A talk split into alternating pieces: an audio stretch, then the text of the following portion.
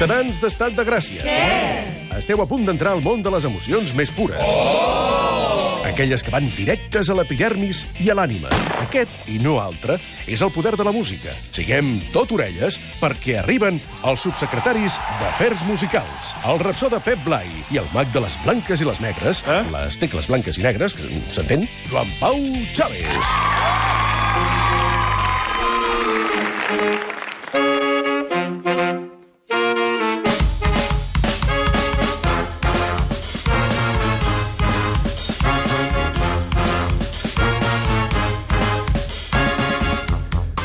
ració de música avui a la segona hora de l'Estat de Gràcia. Segueixen aquí amb nosaltres el Pep Blai. Com estàs? Ai, ai, estic superant això, el reggaeton. En el fons sé que jo algun dia us faré una selecció de reggaetons que m'hauran agradat i que hauré pres i que us diré, això era bo. Pensava que estava a punt de dir que en el fons un dia traurà el seu primer disc i serà de reggaeton. Serà de... re- No, jo crec que serà de rumba, perquè aquesta camisa que portes avui, de lunares, vermells eh, sobre fons negre, amb aquest pit descobert, eh, molt ben cobert d'aquesta gespa canosa, veus quina poètica que tinc?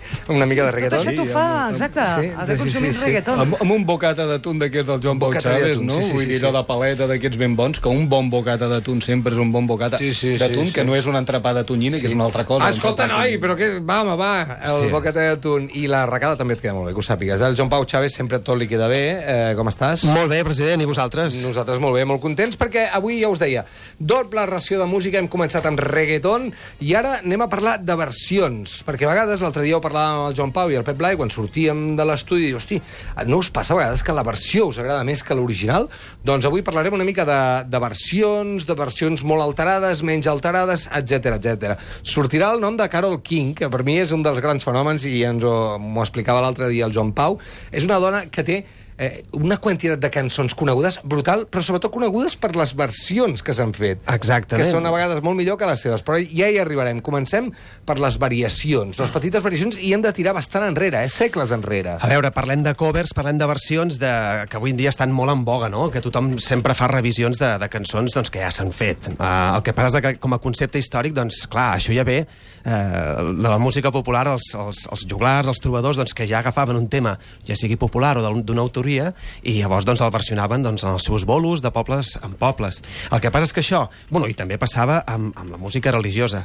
El que passa és que la música culta doncs sí que hi ha una sèrie de compositors que es dediquen a agafar un tema que probablement sigui d'un altre compositor, o bé, doncs, com passa amb les variacions Goldberg, que, que eren un encàrrec, i uh, d'un tema determinat, d'un tema musical, doncs se'n fa uh, un desenvolupament diferent, se'n fa una variació, és l'anomenat eh, tema amb variacions. Veus? Això no ho sabíem.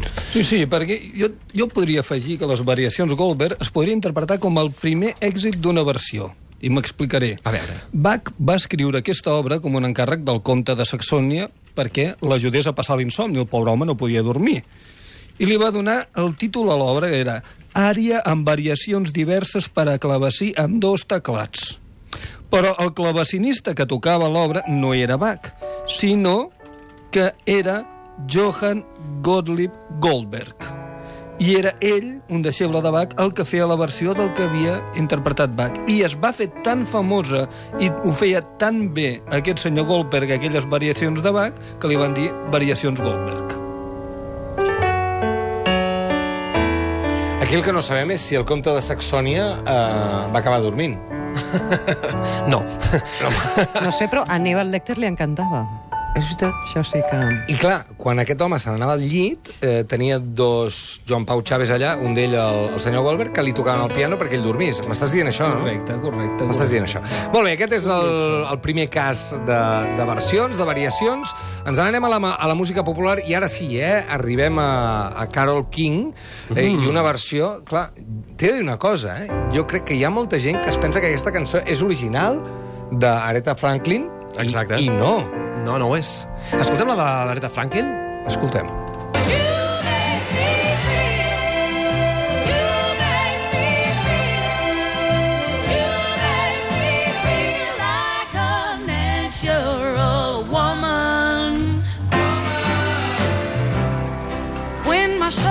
Doncs no, és de Carol King. És de la Carol King. Va fer un disc que es deia Tapestry, que, ostres, ara mateix, és del del 72, exactament. Uh, està farcit de cançons originals seves, musicalment, i que sí que s'acompanyava d'un lletrista.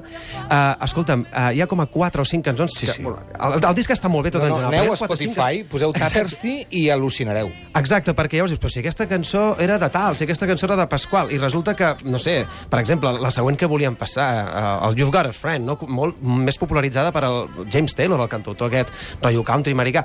La cançó és de la Carol King. Aviam, escoltem-la. You just call out my name, and you know wherever I am, I'll come running.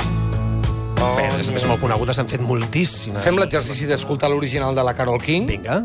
when you're down and troubled. Hosti, tu, amb l'efecte vinil. Vinga, Carol, vinga, vinga. És que li falta una mica de marxa. Sí, té aquest puntet eh, cantautora. Jo, pel meu gust, m'atreviria a dir com una miqueta romàntica o tristona.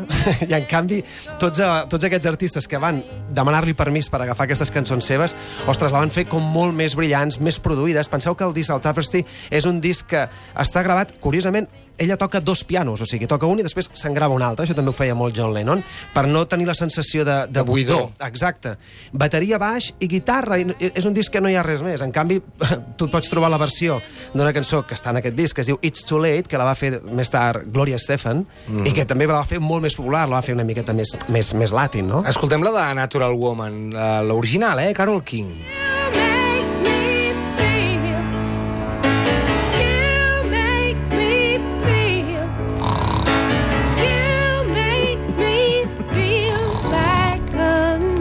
Home, Carol, és que clar, és que és fàcil agafar... la cançó és bona, la cançó és bona. És, és tristona, pobreta. Jo he llegit avui, buscant a la Wikipedia, que Carol King ja portava ben bé 15 anys eh, fabricant èxit rere èxit sense cantar per altres artistes. Eh? Vull dir que és una, una generadora de, de cançons brutal. Bueno, de, de, de professió compositora.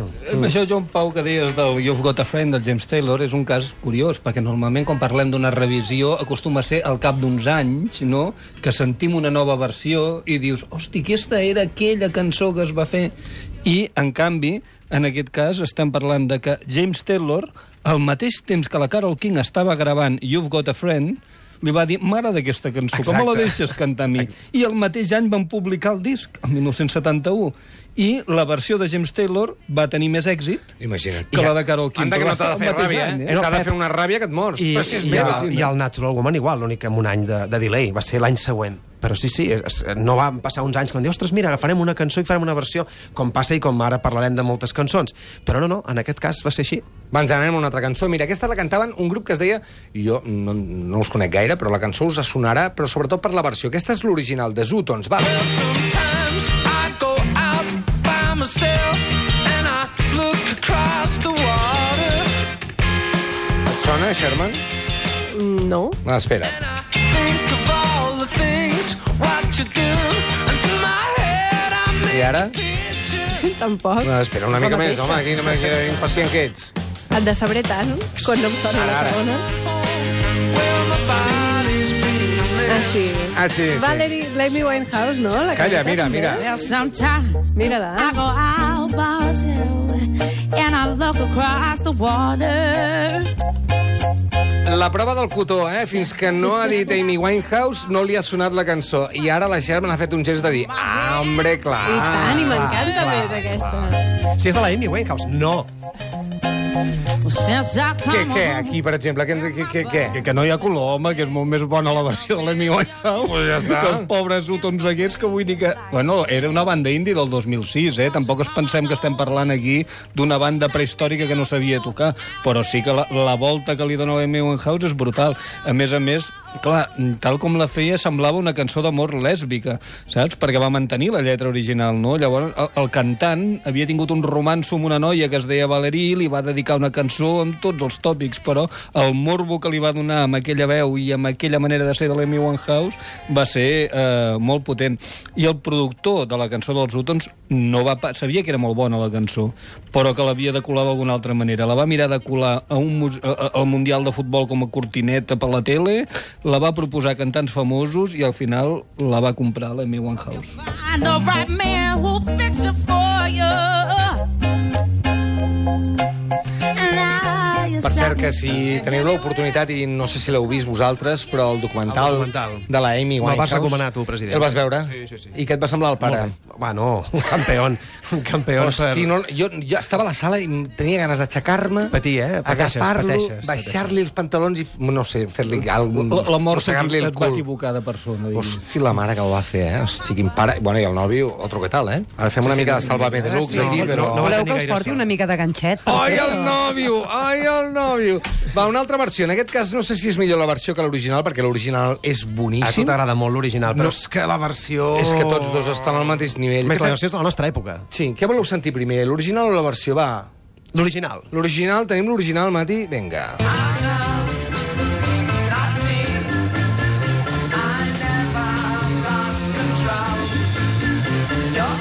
És Bowie, no? Ahà. Jo sé d'algú que encara no s'ha tret la pulsera de l'exposició. Oi, Pep Blai? Encara la tens, Pep Blai? Encara la porto. Soc La- fetichista i, la, i, i, i des d'aquell dia que vam fer el programa en directe del Museu Sí, sí, del sí, Disseny, dedicat al Però com a mínim la porto, fregues una mica amb l'esponja, no? Sí, a veure, em segueixo dutxant, eh? Però fixa't, és tan bo, tot el Amb que el fa el Bowie fora, és tan bo, que fixa't, ni les pulseres de convidats Ai, Bowie, te es quiero! Te quiero tanto! Doncs aquesta és l'original, eh, una cançó molt coneguda, però després, bastants anys després, en un concert acústic, un grup que estan, es tenia acostumat a fer molt de soroll, em va fer aquesta versió que té el Joan Pau enamorat. Oh no,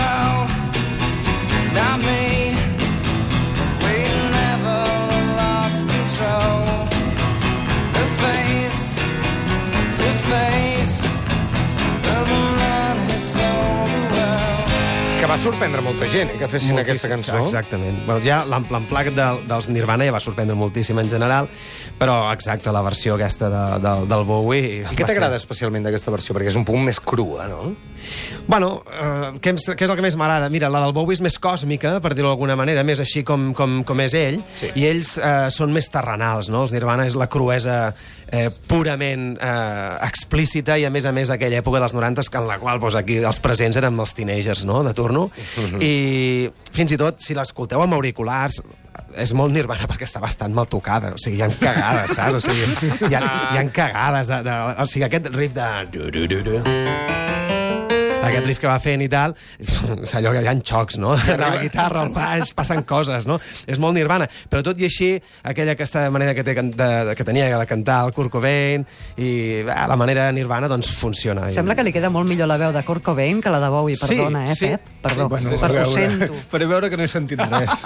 De totes maneres, el que sí que vull dir és que jo, a mi també m'agrada la versió de Nirvana, m'agrada la de Bowie, i crec que és molt difícil versionar Bowie com tots aquells cantants que són mm, molt extrems, amb personalitats molt extremes, molt, molt pròpies, i la gent li costa atrevir-se a versionar-s'ho. Per tant, mèrit de Nirvana d'atrevir-se amb un David Bowie, Totalment, que no hi ha gaire gent que tingui pebrot. Sí, sí. Eh, uh, un altre concurs. Us agradarà més l'original o la versió? Comencem amb l'original. What would you think if I sang out a tune? Would you stand up and walk out on me?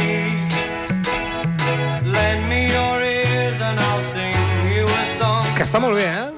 Però, eh, a mi m'agradarà més la versió, segur. és que és tubeta, és tubeta. I aquesta... I? Joe Cocker, tú y yo lo sabíamos. Woodstock.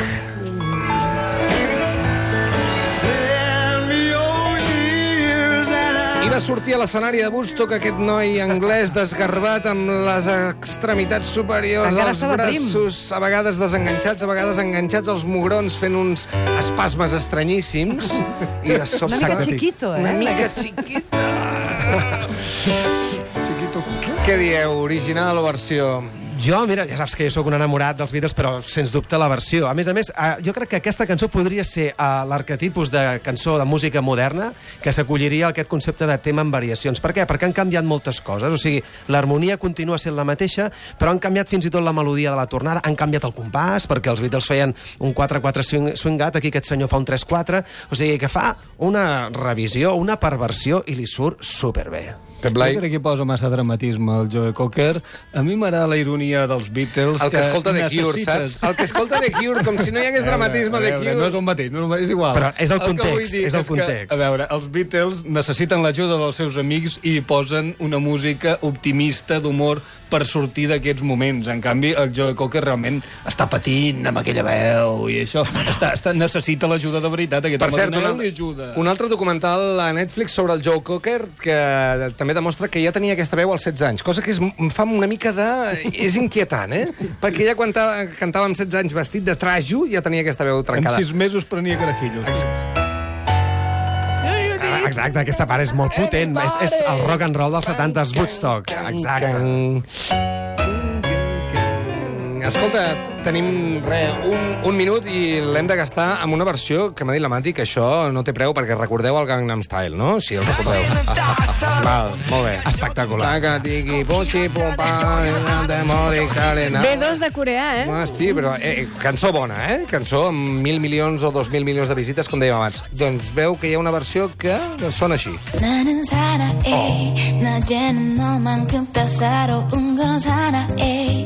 는 사랑해 낮에는 너만큼 따사로운 건 사랑해 커피 식기도 전에 원샷 때리는 사랑해 밤이 오면 심장이 터져버리는 사랑해 그런 사랑해 Mira quin pont. 아름다워 사랑스러워 Jo et diria que aquest és el capítol de lo que seria fer versions o covers.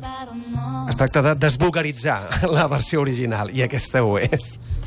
Pep Blai, moltes gràcies. M'hagués pogut dir que el Gangnam Style té classe. Joan Pau Chaves, gràcies. A vosaltres.